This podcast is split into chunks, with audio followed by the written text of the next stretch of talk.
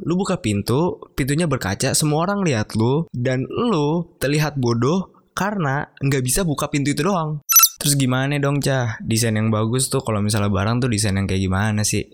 Kenapa di Indonesia tuh banyak jalan tol apa segala macam bla bla bla bla bla? Karena kita cuma kopas. nah, jadi di episode ini gue mau ngomongin tentang pintu. Demi apa? Beneran, karena ini adalah podcast pecah episode 12. Kuy opening.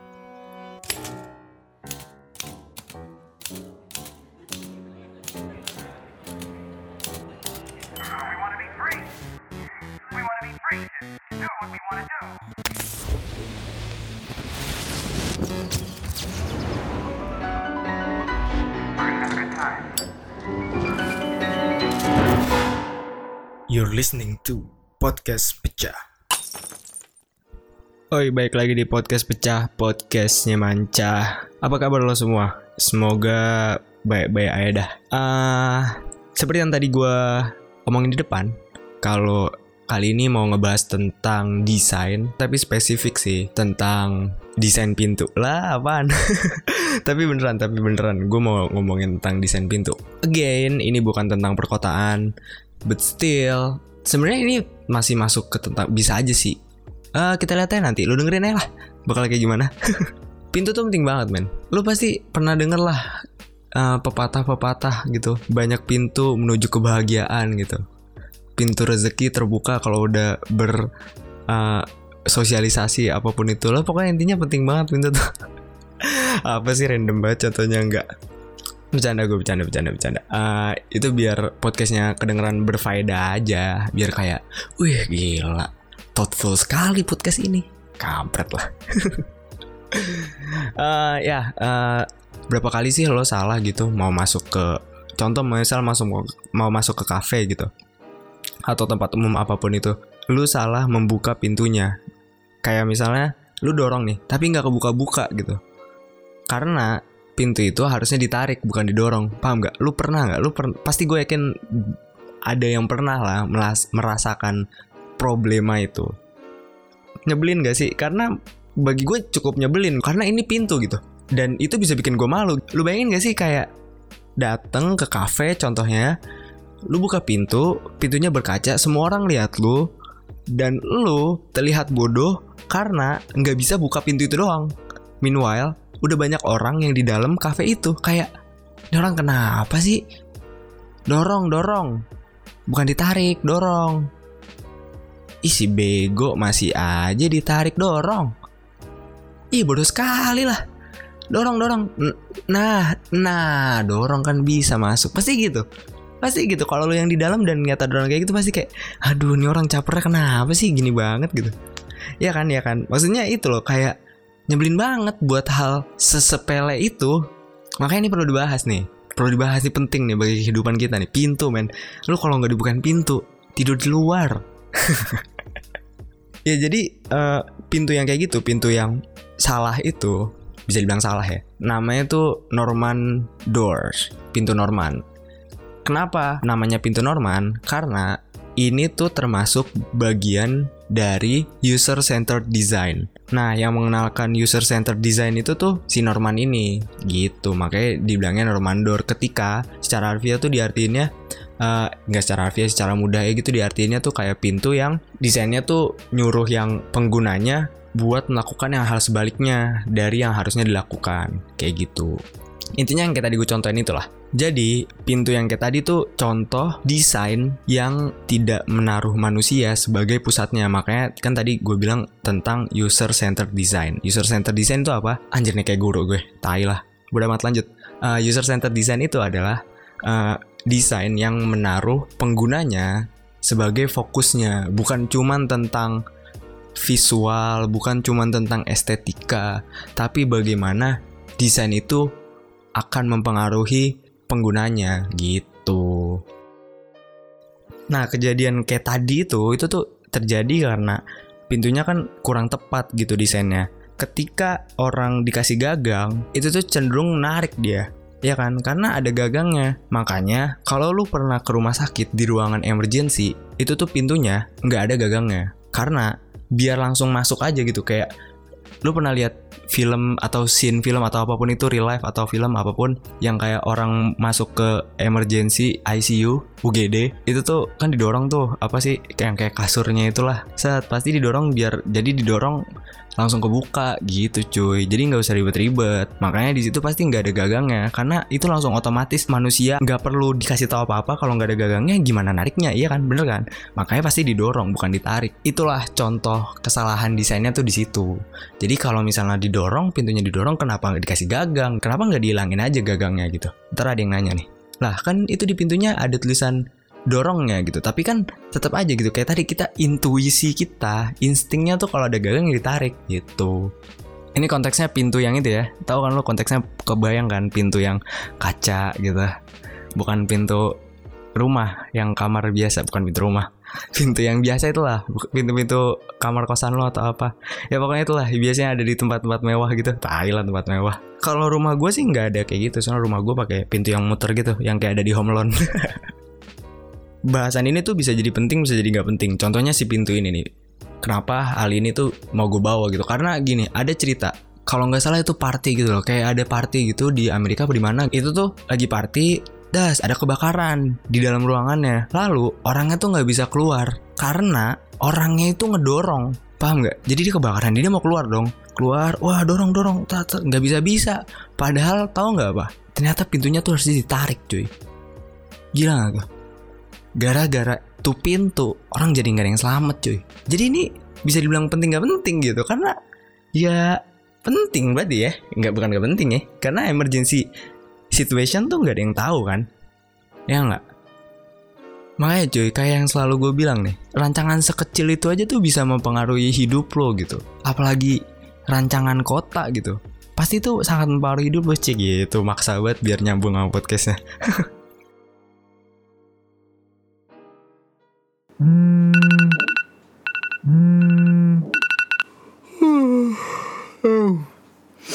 Oke Google, play Arvipra on podcast. All right, playing the latest episode of our Vibron podcast.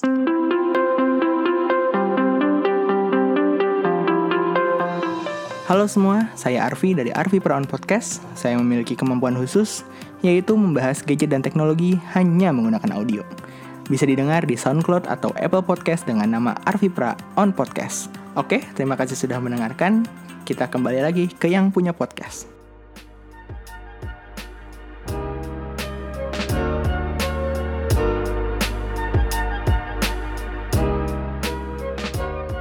Ya sebenarnya banyak sih desain-desain aneh gitu yang kayak dipertanyakan gitu sih keberadaan barangnya, bendanya sih. Eh contohnya kayak misalnya banyak tuh kursi-kursi di kalau nggak salah di daerah kota tua deh di Jakarta. Itu tuh ada beberapa kursi-kursi yang kayak dari eh, besi gitu dan padahal itu tuh outdoor gitu kayak men itu tuh panas banget gitu siapa yang mau duduk di situ gitu udah bentuknya kayak pipa gitu kan kayak licin tau gak sih yang kayak aluminium apa sih warnanya besi gitulah yang kayak bisa ngaca itulah pokoknya gue maksud lo paham kan? apa sih Eh, ya pokoknya itu kayak men itu mah orang juga mager kali duduk di situ udah kalau siang panas kalau didudukin licin senderannya kagak ada ya bisa sih dibuat duduk tapi tetap aja nggak nggak nyaman gitu tapi memang ada beberapa desain-desain yang sengaja dibuat nggak nyaman gitu. Contohnya ya polisi tidur gitu. Polisi tidur kan desain yang sebenarnya bikin lo nggak nyaman kan. Jalan enak rata-rata, tapi dibikin ada benjolannya gitu. Tapi kan itu tujuannya buat safety kan, bikin pelan kendaraan yang lewat atau itu tuh ngingetin. Lu paham gak sih kalau misalnya lu bawa kendaraan terus kayak bawa polisi tidur kayak wah gitu kayak intinya lu jadi aware lagi gitu tentang kondisi jalan yang ada di situ gitu. Itu contoh desain yang bikin gak nyaman tapi tetap fungsional gitu, nggak kayak si pintu yang aneh tadi atau kursi di kota tua. Eh di mana sih itu lupa gue. Pokoknya ada lah kursi-kursi kayak gitu. Eh, contoh lagi apa ya? Ini banyak nih trotoar-trotoar yang dikasih pohon. Aduh, masalahnya dikasih pohonnya tuh segede trotoarnya juga gitu loh. Kayak orang tuh jalan susah gitu. Aduh, ya itu tuh aneh banget gitu bikin orang jalan susah terus pohonnya juga gede banget yang umurnya cepet dan bisa roboh kapan aja gitu itu kan malah bahaya gitu itulah contoh ketika desain suatu desain yang nggak memperhatikan bagaimana usernya akan menggunakannya gitu. Oh contoh lagi fatal nih. Itu yang apa pokoknya kalau lu misalnya jalan di trotoar itu ada kayak kotak-kotak warna kuning tuh garis putus-putus ada jendolannya. Itu tuh ada yang masangnya salah. Intinya harusnya itu tuh sejalan sama arah jalannya gitu bukan melintang arah jalan trotoar itu. Karena itu tuh buat orang yang tunanetra gitu karena itu arahnya dia jadi kalau misalnya itu lurus ya udah berarti dia ngikutin itu lurus lu bayangin kalau misalnya jalannya melintang lah nabrak dia ke jalan gila kali Terus gimana dong cah? Desain yang bagus tuh kalau misalnya barang tuh desain yang kayak gimana sih? Nah pertanyaan yang bagus, Bung yang di sebelah sana apaan sih? nah yang baik itu adalah eh, sebacanya gue ya, itu tuh pertama discoverability. Jadi ketika lo melihat produk itu, lo langsung tahu tuh lo harus ngapain tentang produk itu. Contoh pakai mouse, klik kiri itu yang utama dibandingkan klik yang kanan, kayak gitu. Apalagi eh, ngegas motor tuh ditarik bukan didorong. Kayak gitu. Itu tuh discoverability kayak kemudahan tentang penggunanya untuk mencari tahu bagaimana menggunakan produknya itu. Nah yang kedua adalah feedback. Feedback itu adalah ketika ada tanda kalau lu udah menggunakan produk itu dengan benar. Kayak kalau misalnya helm deh helm. Helm tuh kalau misalnya dipakai peng apa tuh pengamannya udah benar ada suara klik. Nah itu itu tuh ada feedbacknya. Berarti lu nggak usah meriksa lagi kan? Kayak misalnya kalau lu pakai handphone gitu lu kunci ada bunyinya klik. Kayak ada sound notificationnya kayak klik. Nah itu tuh udah kekunci. Maksud gue itu itu namanya feedback contohnya ya. Jadi ketika discoverability-nya sama feedbacknya itu oke berarti bisa dibilang produk itu mantap jiwa gitu. Nggak kayak pintu apa pintu yang didorong tapi dikasih gagang. Aneh. Kalau didorong mah nggak usah dikasih gagang bung. Orangnya juga langsung ngedorong. Kalau dikasih gagang berarti mendingan ditarik iya nggak? Desain itu sepenting itu cuy. Desain sekecil pintu bisa menyelamatkan banyak orang ketika emergency. Bayangkan bagaimana kalau ngomongin desain kota? Men kalau ngomongin desain kota waduh. Gokil men. Panjang nih contohnya. Panjang tapi dikasih contoh. Gimana sih lah kenapa di Indonesia tuh banyak jalan tol apa segala macam bla bla bla bla bla? Karena kita cuman kopas. Gila straight to the point banget nih gue Ya iya. Jadi am- eh, Indonesia tuh meniru Amerika yang Dia tuh gue lupa ya nama law-nya apa Tapi intinya itu eh, undang-undang yang bikin Amerika punya banyak jalan tol apa segala macam. Padahal jalan tol ini yang justru jadi masalah gitu. Karena kita bikin jalan selebar-lebarnya Tapi cuma dipakai buat mobil doang. Enggak, enggak, gue bukan kayak si Zadit yang ngomong gitu dong Maksudnya kayak gini. Kayak dengan adanya akses yang sangat luas dari ujung ke ujung Itu tuh bisa kalau misalnya nggak tepat bisa membuat fungsi-fungsi kotanya tuh jadi melebar gitu. Kayak misalnya orang tuh cenderung nggak apa-apa deh gue naik mobil aja gitu atau naik kendaraan apa buat ke sana gitu. Padahal bisa aja tuh rancangan kotanya tuh harusnya compact gitu di mana rancangan kotanya tuh kecil aja nggak perlu gede-gede tapi sebenarnya bisa memprovide semua kebutuhan-kebutuhan masyarakatnya. Back to basic kan kota buat manusia ya gitu ya. Kalau misalnya emang buat manusia kenapa nggak yang diutamakan manusianya bukan kendaraannya? Kan sekarang cenderung seakan-akan ya jadi paradoks gitu kan kayak misalnya kenapa yang dibuat jalan terus ya? Jalan yang harusnya membantu kita bertransportasi justru sekarang menjadi sumber kepenatan kehidupan kita sehari-hari gitu. Ya kan macet eh, kecelakaan segala macam bla bla bla bla bla. Ya itu kan jadi aneh gitu kan. Padahal harusnya hal yang mempermudah malah jadi bikin kita penat gitu. Itu eh, karena rancangan kotanya tuh nggak kompak. Jadi cenderung melebar. Fungsi-fungsinya tuh terlalu jauh. Nggak berkat nggak berdekatan gitu. Tapi sebenarnya kalau misalnya dijelasin lebih kompleks lagi. Tapi sederhananya kayak gitulah.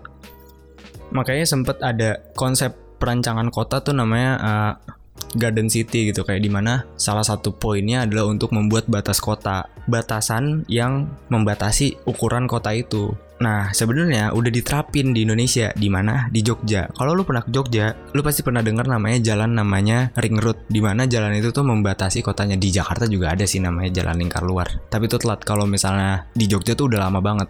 Nah, si Ring Road ini harusnya tuh yang membatasi perkotaan Jogja gitu. Jadi batasnya tuh sampai itu nggak boleh eh, ada fungsi-fungsi kota lagi di di luar si ring road ini. Tapi karena yang kita tadi bilang kalau misalnya uh, penerapannya kurang tepat itu tuh malah bisa ya jadi sumber permasalahan yang lainnya lagi. Ya udah kayak gitu ya. Gue nggak tahu mau ngomong apa lagi. Eh, intinya desain itu nggak cuma tentang gimana itu kelihatan gimana itu kerasa tapi juga tentang bagaimana itu bekerja. Jadi hati-hati. Kalau masuk pintu baca dulu. Ini dorong apa tarik nih? Atau bisa dorong dan tarik? Kita nggak ada yang tahu. Mending dicoba dulu ya nggak sip ya udah. Sampai ketemu minggu depan. Deh